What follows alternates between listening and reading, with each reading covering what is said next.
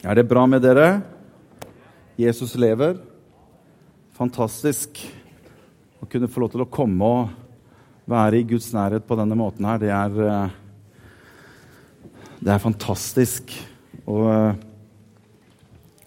jeg Det er noen som kommer til, si, som kommer til meg av og til og sier at jeg, jeg kjenner ikke noe. Nei, men så jeg at Det er ikke det viktigste at du skal kjenne noe. Men det viktigste er at du vet at han er nær den som søker han. Du vet at du kan få lov til å komme inn i hans nærhet. Og han er hos deg. Og så er jeg sikker på at over tid så kan du og jeg lære oss å kjenne at han er nær. Så si, Herre, Herre, jeg er ikke akkurat den der som kjenner så veldig mye eller føler så veldig mye. Jeg vet du er her, men det hadde vært godt å kjenne deg litt også. Vær åpen med Jesus om det. Skal, jeg skal love deg at han kommer til Han har sånn sterk kraft og styrke at han kan komme over deg, at du virkelig kjenner det.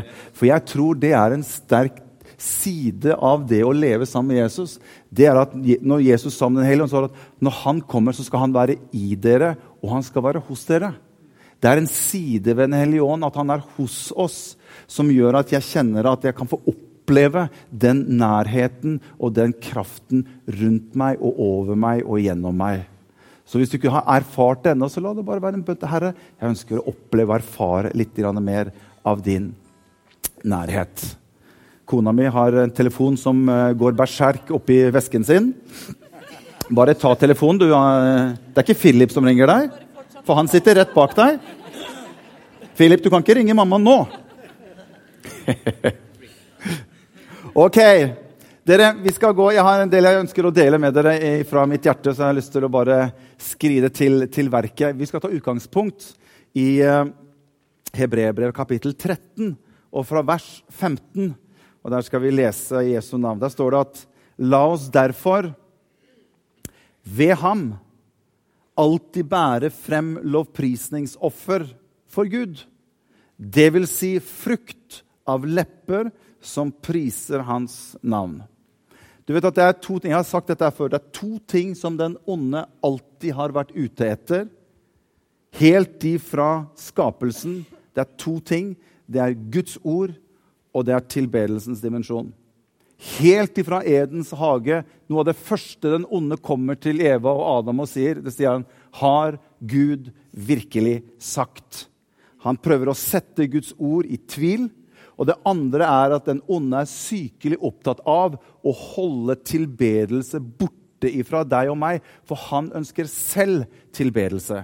Det var noe av hans tjeneste når han var innenfor Gud. Før fallet så var hans tjeneste det var å være med å tilbe Gud. Det er mulig jeg kommer litt mer inn på det neste søndag, så du får litt innsikt i hva som egentlig skjer når dette fallet i himmelen skjer, og den onde blir kastet ut. Så var han en av erkeenglene. Du vet, det virker som at det er tre hovedtyper av erkeengler. Dette er litt sånn bonusmateriale for i dag, men det virker som det er tre typer eh, erkeengler i, i, himmelen.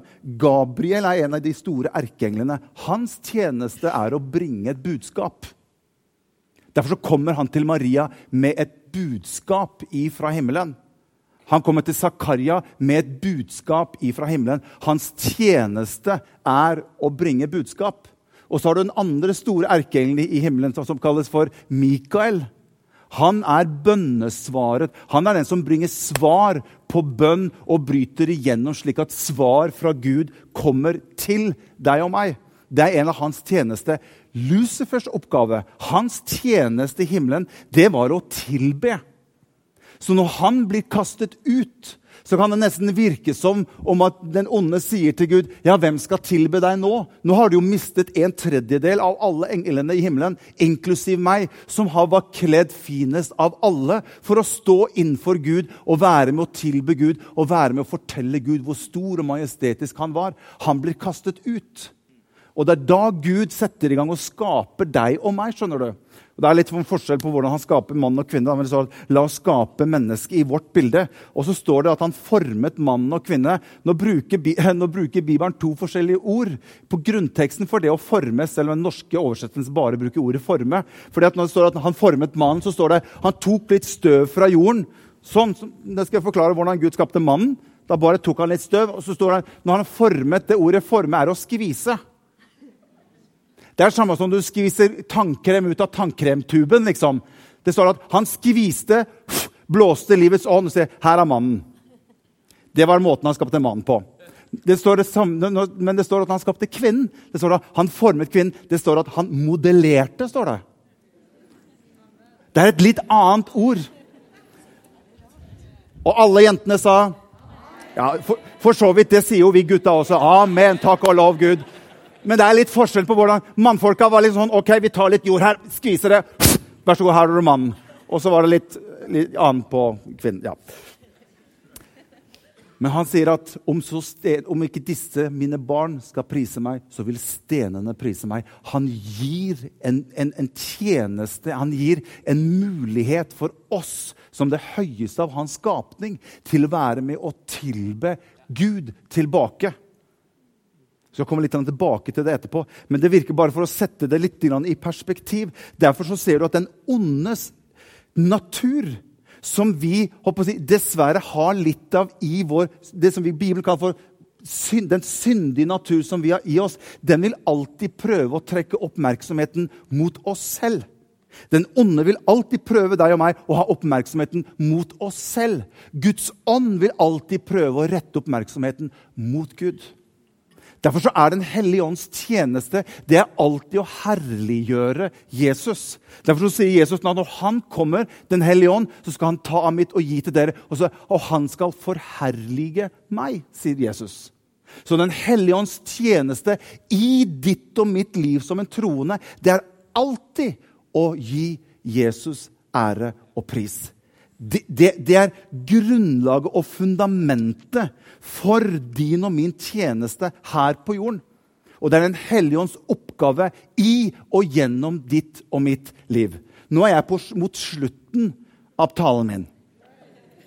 Så nå må jeg gå litt tilbake, og så må vi gå inn på der vi startet rundt dette med at det er to ting den onde ønsker å nøytralisere i livene våre. Det er Guds ord at ikke Guds ord skal få den plass og den virkning som den skal ha, som den må ha i våre liv.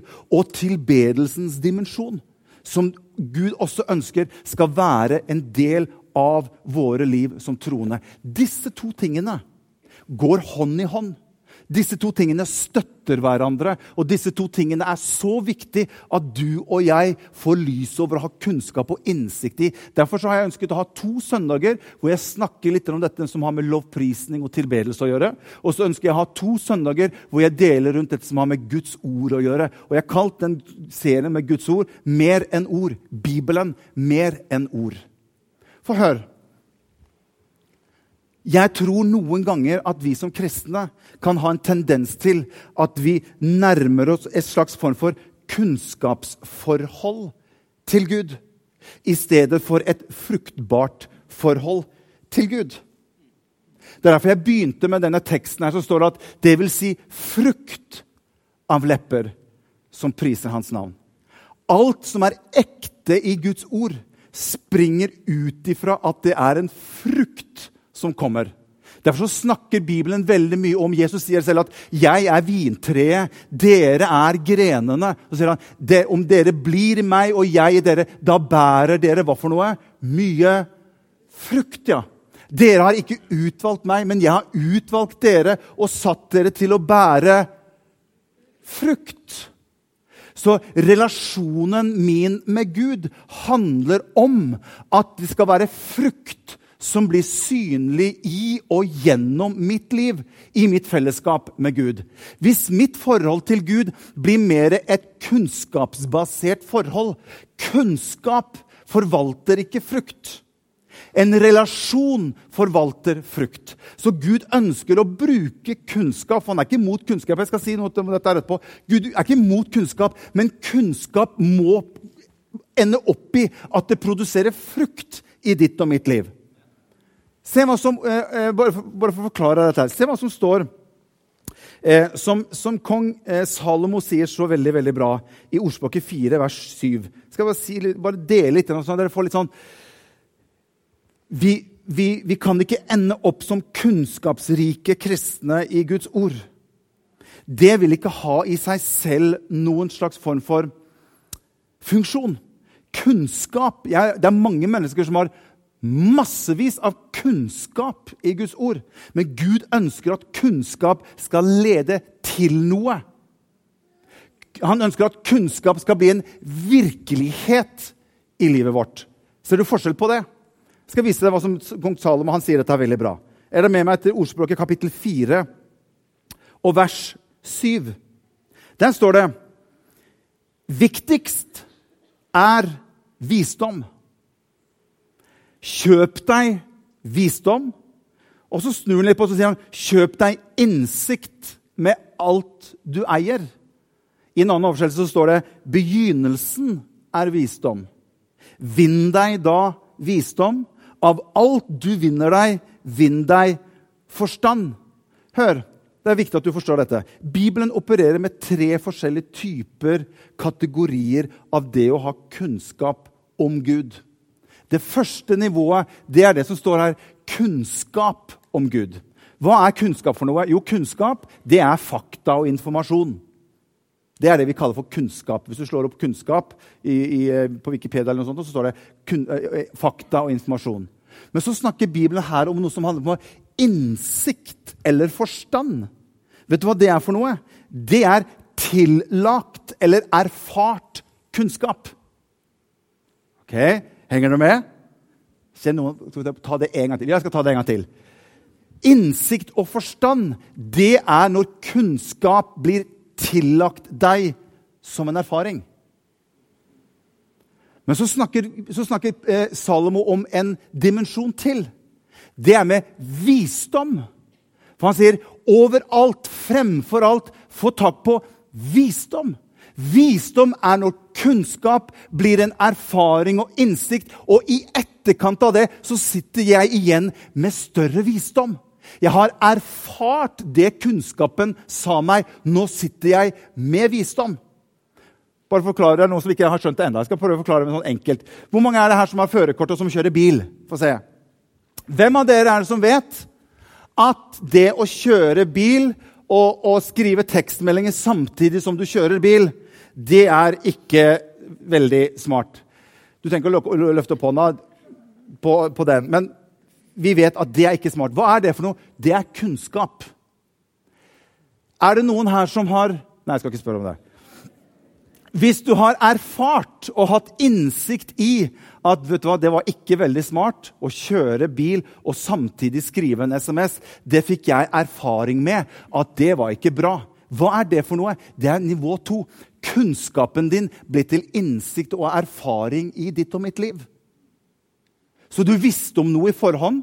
Du hadde ikke særlig erfaring med det, men du hadde kunnskap om det. Hva er det som skjer i etterkant av det? Jo, nå sitter jeg med en visdom av hva det vil si.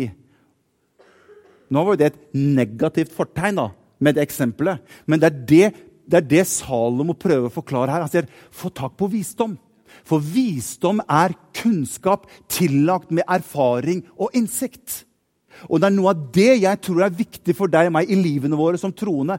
Opp imot det som har med lovprisning og tilbedelse og det som har med Guds ord å gjøre. At ikke dette blir et kunnskapsbasert forhold til Gud, men det blir visdom og innsikt og erfaring. Fordi han ønsker med all sin kunnskap å lede oss inn. At vi får innsikt, erfaring og sitter igjen med visdom om hvordan Guds rike fungerer og eksisterer. Henger du med på det? Er det greit? Skjønte du det litt mer nå hvor, jeg vil igjen? Ok. Så jeg skal prøve å gi dere litt kunnskap og litt innsikt på, denne, på disse to søndagene, som, som, gjør at vi forhåpentligvis sitter igjen med litt mer erfaring og visdom rundt dette som har med lovprisning og tilbedelse. Og Jeg har lyst til å begynne med dette her. Tilbedelse foregikk i himmelen lenge før jorden ble skapt. Bare noen statements her. Tilbedelse eksisterte før Guds ord kom. Tilbedelse foregår nå mens vi er her. Så foregår det tilbedelse i himmelen. Og hør, og tilbedelse vil fortsette i all evighet. Min tilbedelse og dette er viktig, dette må dere få med dere, min tilbedelse er den eneste gave jeg kan gi tilbake til Gud. Min tilbedelse er det eneste jeg som gjenfødt kan gi tilbake til Gud. Alt annet i Guds rike handler veldig ofte om at han gir meg. Jeg gir, men han gir jo meg tilbake fordi at jeg gir, så skal du få. Bønn kan ofte være at Gud skal svare på bønner som jeg ber han om. Veldig mye annet i Guds rike handler om at jeg får tilbake fra Gud. Men min tilbedelse er det eneste du og jeg kan gi uforbeholden til han uten å få noe tilbake. Det er det eneste vi kan gi.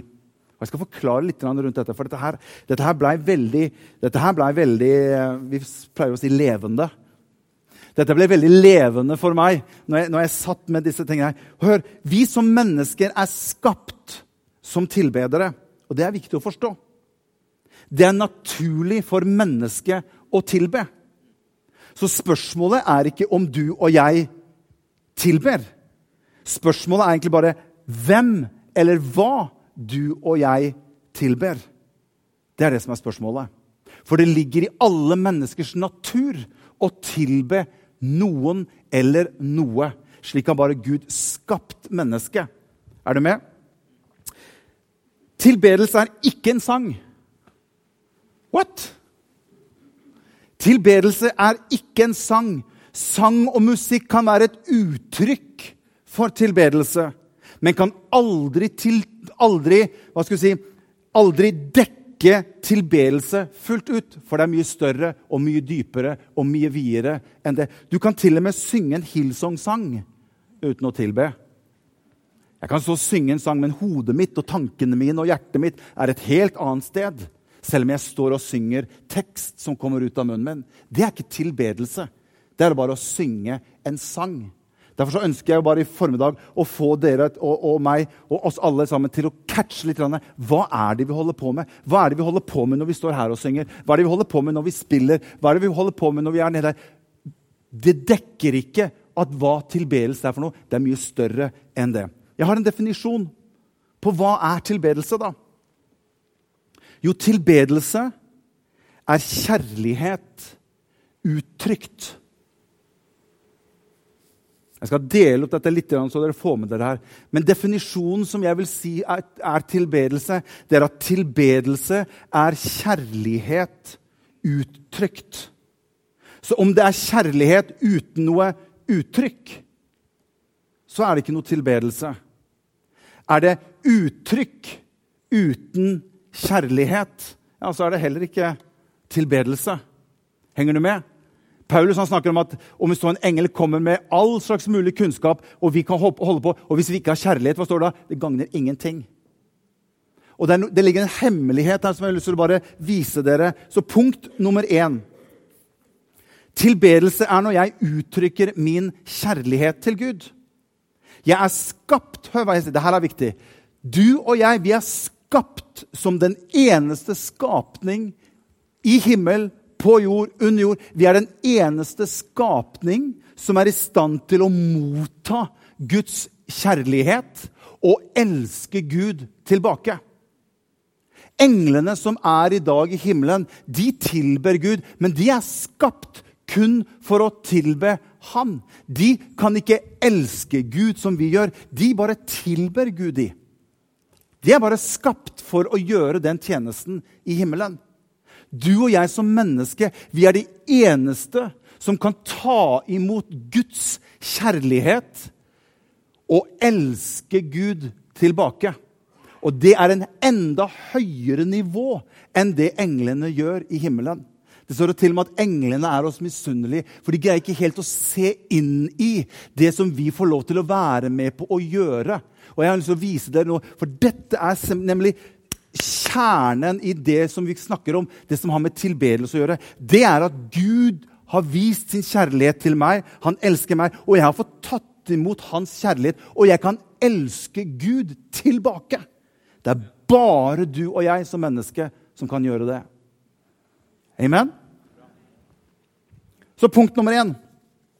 Tilbedelse er kjærlighet. Det kan, det kan sikkert sjokkere deg, men faktisk så er Bibelen sånn at Gud han faktisk befaler deg og meg til å elske seg. Har du lagt merke til det? Gud faktisk befaler oss å elske han. Og jeg tenker liksom sånn at Hvordan kan Gud befale at jeg skal elske han? Jo, det er litt sånn på samme måte som i et ekteskap. Det er et valg jeg gjør. Selv om Gud har sin befaling mot meg, så er det jeg selv som velger å elske han tilbake. Når Jesus sier hvor er det står? Jesus han sier i 5. Mosebok, nei, i Matteus kapittel 22 Derfor er kjærlighet det er et valg. Og Det er den delen jeg synes det er veldig viktig å få med oppi dette. her. For tilbedelse er uttrykt kjærlighet, og kjærlighet har alltid et valg. Matteus 22, 37, der står det du skal elske Herren din Gud av hele ditt hjerte, av hele din sjel og av all din forstand. Og så spør jo jeg liksom hvordan kan jeg greie å elske Gud på denne måten? Nei, du greier ikke det. Bror og søster, du greier ikke det. Derfor trenger jeg Gud. Nå er jeg kommet til noe av sentrum, noe av hoveddelen som jeg ønsker. Så nå må du ikke sovne, altså. selv om det har mokka mye snø. Nå må du henge med her. Så dylt til sidemannen som tror han er veldig åndelig, har øynene igjen. Det er ikke Han er på vei inn i dreamland. Ja, ja, ja, vi er her. Ja, vi er her. Du, jeg må fortelle om en drøm jeg hadde her. Kan jeg fortelle om den? Er det, jeg, vanligvis, jeg, hvor fjern går det an å bli? Men jeg, jeg, måtte, jeg måtte, skrive den ned. Jeg vet ikke om jeg tar opp det der, jeg gjør det sikkert, men det får bare være. Men hvor, hvor fjern man kan være når man drømmer. For jeg drømte at jeg hadde kasta fiskesnøret ut fra sengekanten min. Ned, rett ned på gulvet og skulle fiske der. Og så kommer den der kampen i hodet. fordi at når jeg kaster ut, så napper det òg, vet du. Skikkelig. Og jeg står og holder i snøret, og her er det jo fisk. Samtidig som hjernen min prøver å si til meg selv Ja, men Morten, hallo! Du får jo ikke fisk ved å kaste ut fiskesnøret her ved sengekanten. Der er det ikke noe fisk. Og så sier jeg tilbake til meg sjøl Jo, men det napper jo!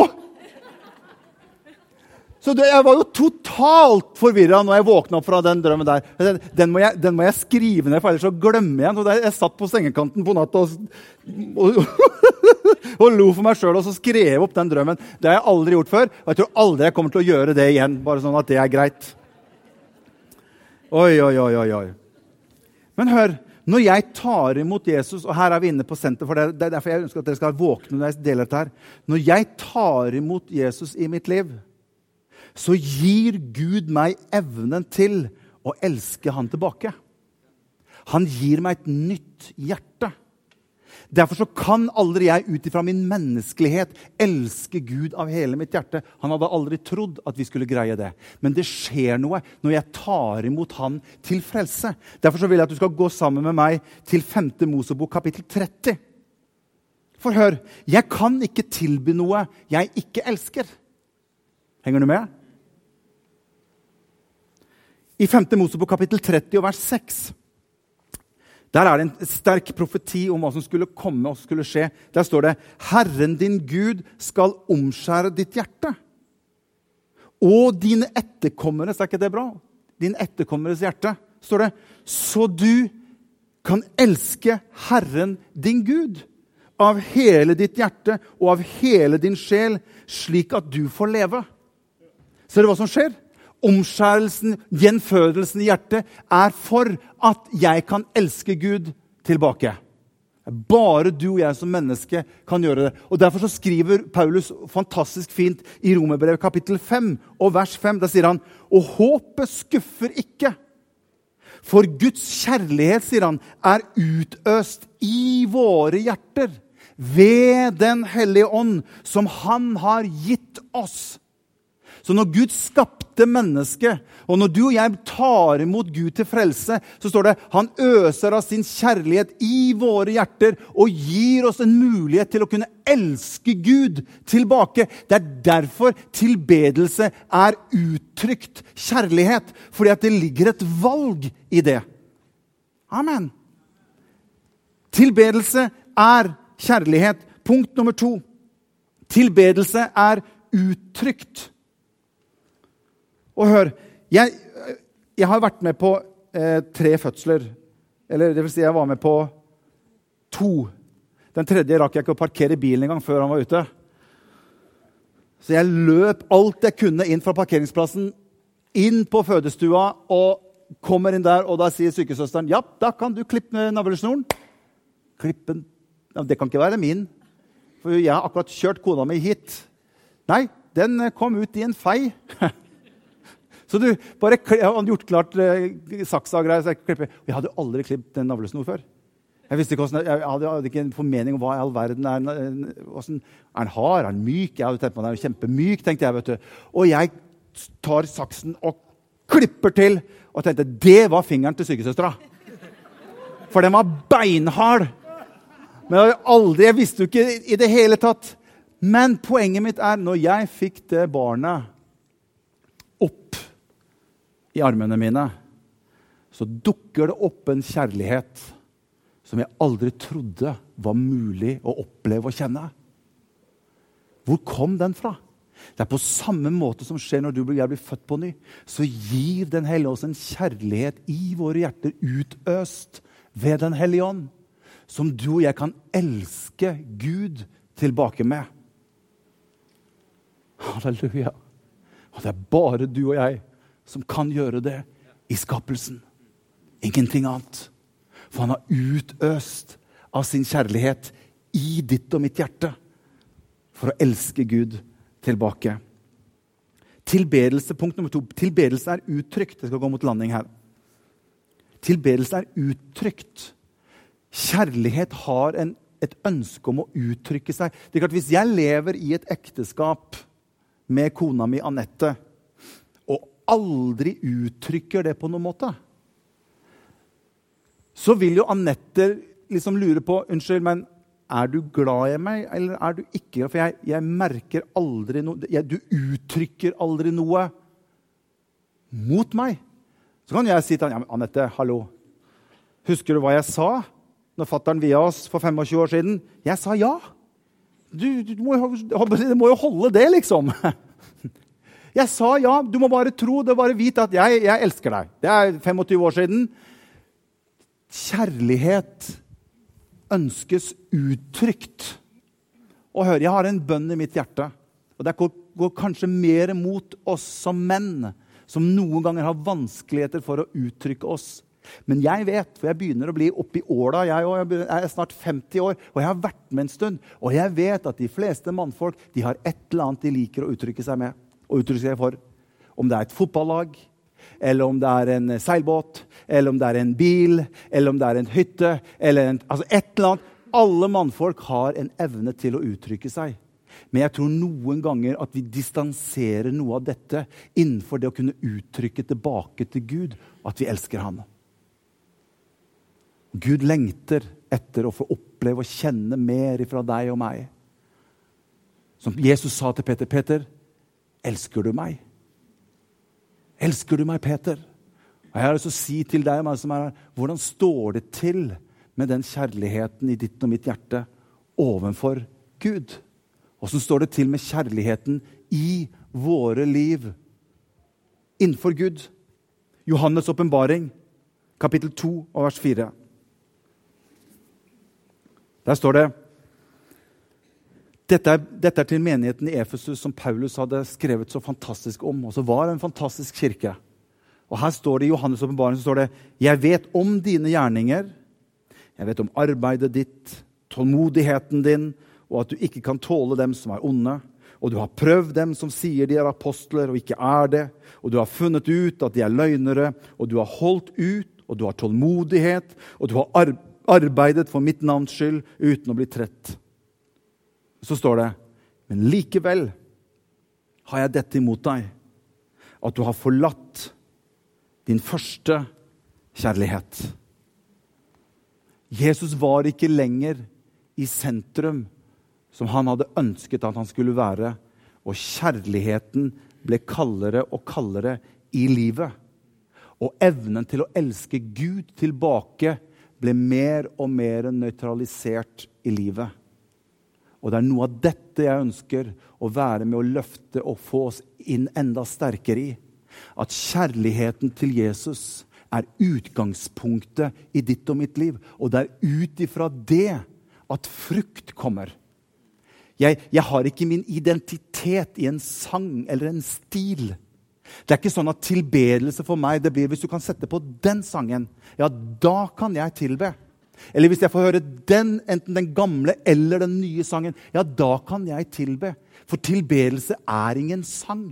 Tilbedelse er uttrykt kjærlighet som Gud har lagt ned i ditt hjerte da du tok imot Jesus ved Den hellige ånd. Og det er den siden som Gud ønsker skal være kontaktpunktet. Og Da ønsker jeg å gå tilbake til skriftstedet vi begynte med. La oss derfor ved Han alltid bære frem lovprisningsoffer for Gud. Vil si frukt av lepper som priser Hans navn. Ser du hvordan det verset begynner? Det står 'La oss derfor' Hva står det for noe? Er dere våken her? La oss derfor Ved ham. Det begynner med ham. Hans kjærlighet til oss, født på ny. Hans kjærlighet i våre liv som gir oss en mulighet tilbake å elske Han. Det starter med Han, og det slutter med Han. Han har utøst sin kjærlighet i våre hjerter. Det er tilbedelse.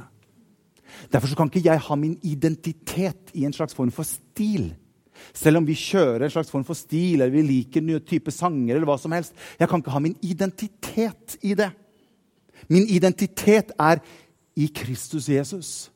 Min identitet er i Han som frelste meg, og som utøste sin kjærlighet i mitt hjerte. Det er utgangspunktet for min lovprisning og tilbedelse.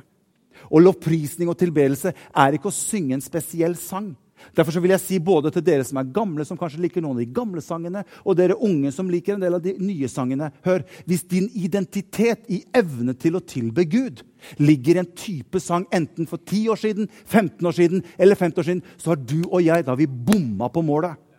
For det handler ikke om stil. Det handler om at han har lagt sin kjærlighet i våre hjerter. Og med det så kan jeg elske han tilbake uten noe lys, lyd, instrument eller noen ting. Jeg kan stå på en øde øy og kjenne hans kjærlighet har fylt mitt hjerte. Og jeg kan elske han tilbake. Det er tilbedelse.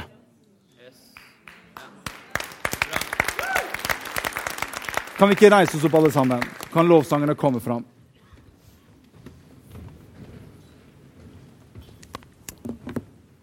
Halleluja.